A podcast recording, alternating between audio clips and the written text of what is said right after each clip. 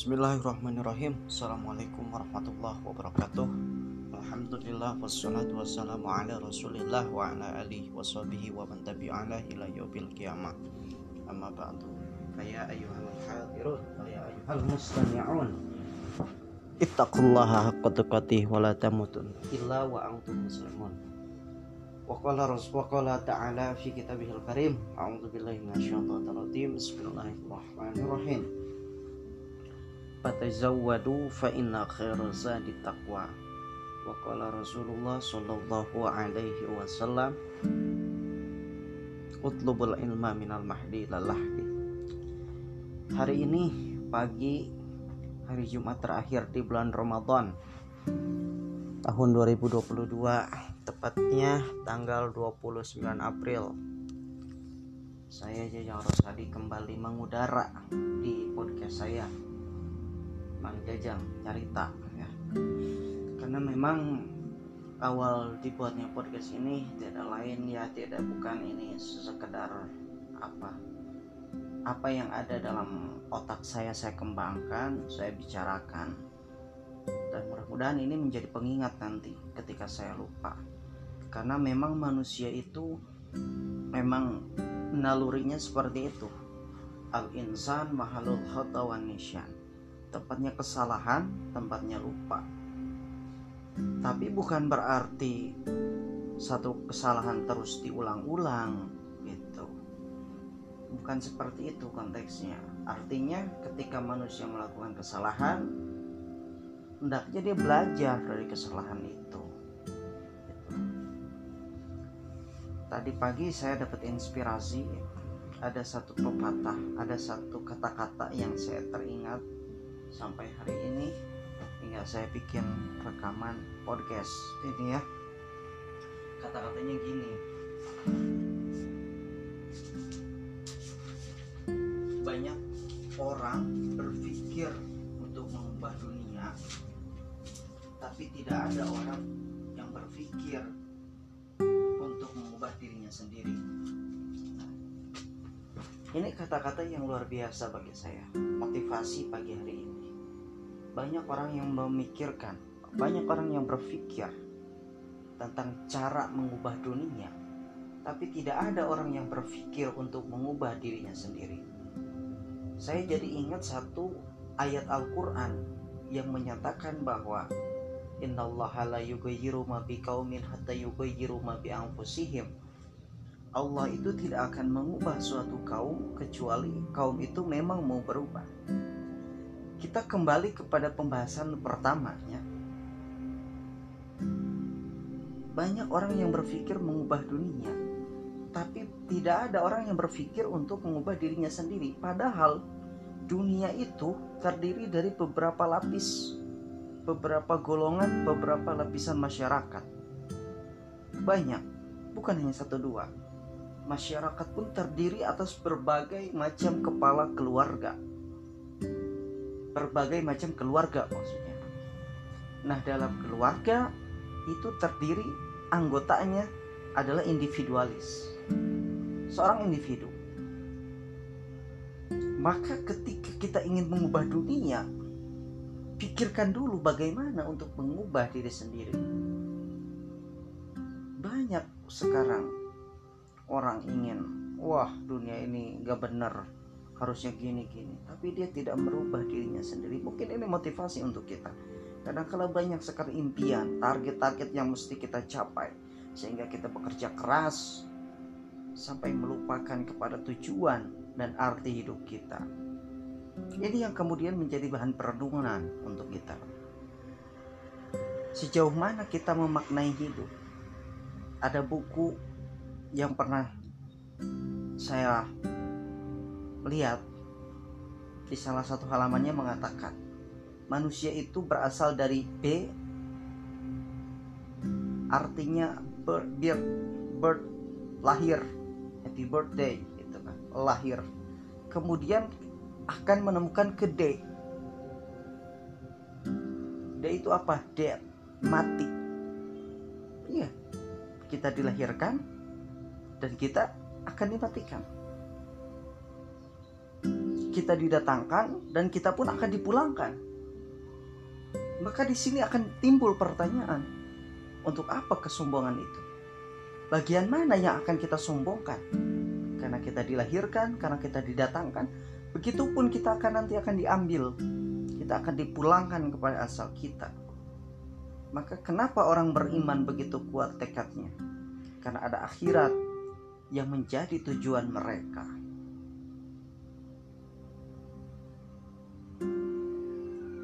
Hidup lalu mati. Terus apa yang mau dibawa? Kalau berbicara hidup, tumbuhan hidup, kambing hidup, kucing hidup, tikus hidup, bahkan mohon maaf, anjing hidup. Binatang-binatang semuanya hidup. Begitupun dengan manusia. Manusia juga hidup. Lantas apa yang kemudian membedakan antara anjing, kucing, binatang dengan manusia. Tentu ada akal yang Allah karuniakan kepada manusia. Untuk apa? Untuk berpikir.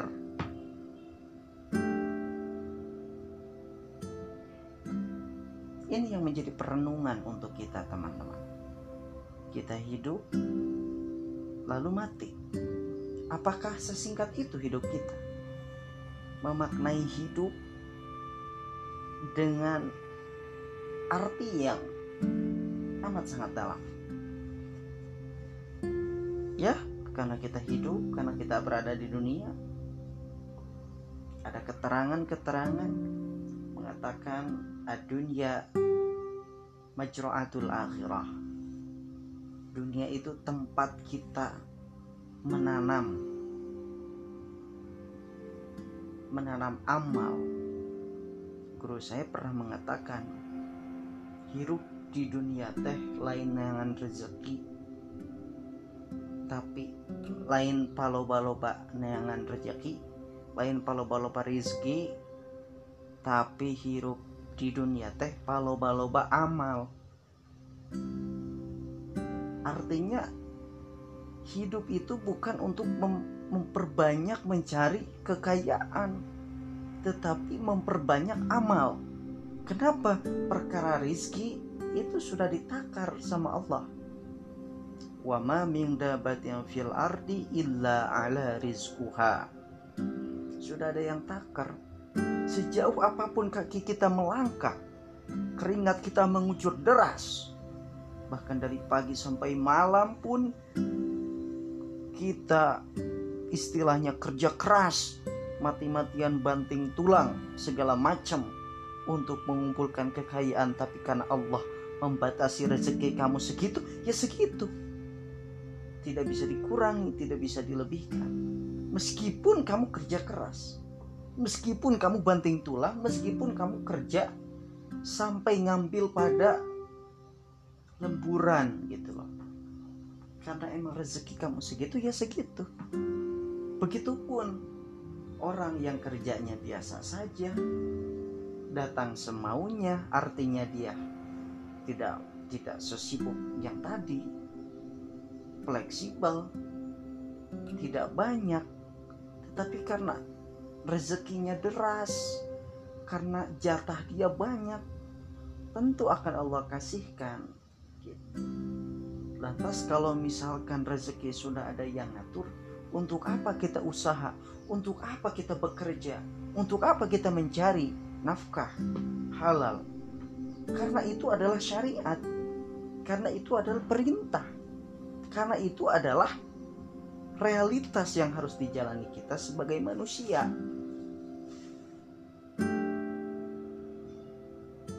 Kalau memang perkara umur, jodoh,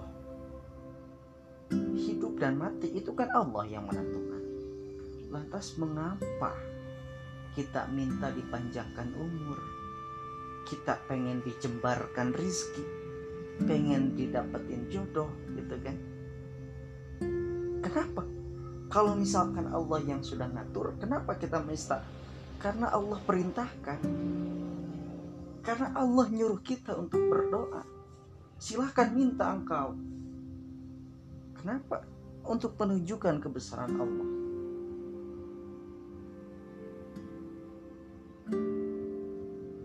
Itu pendengar. Memang rezeki sudah diatur sama Allah. Umur gitu kan sudah Allah tentukan kok ketika kita berada dalam kandungan ibu kita sudah Allah catatkan.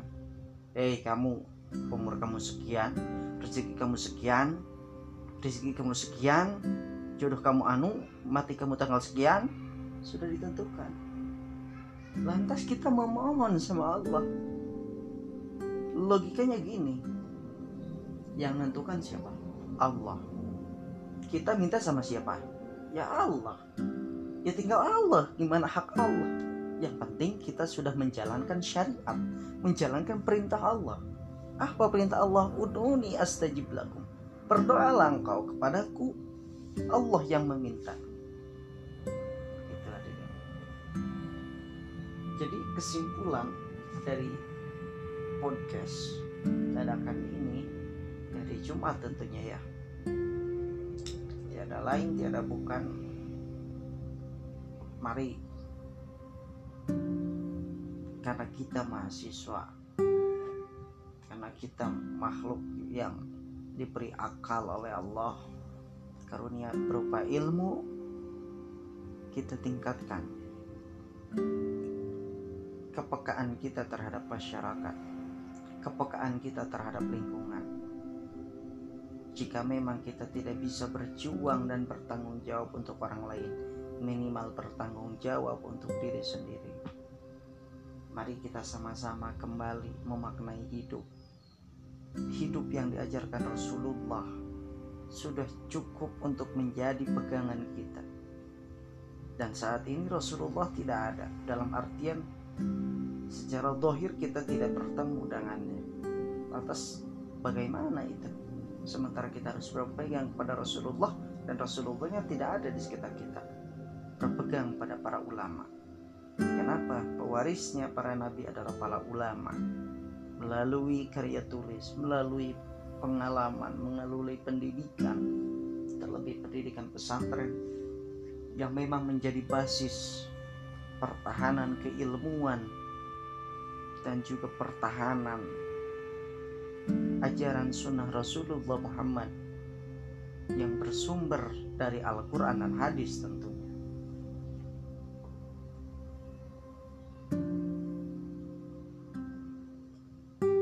Rasa ini yang menjadi poin penting untuk kita.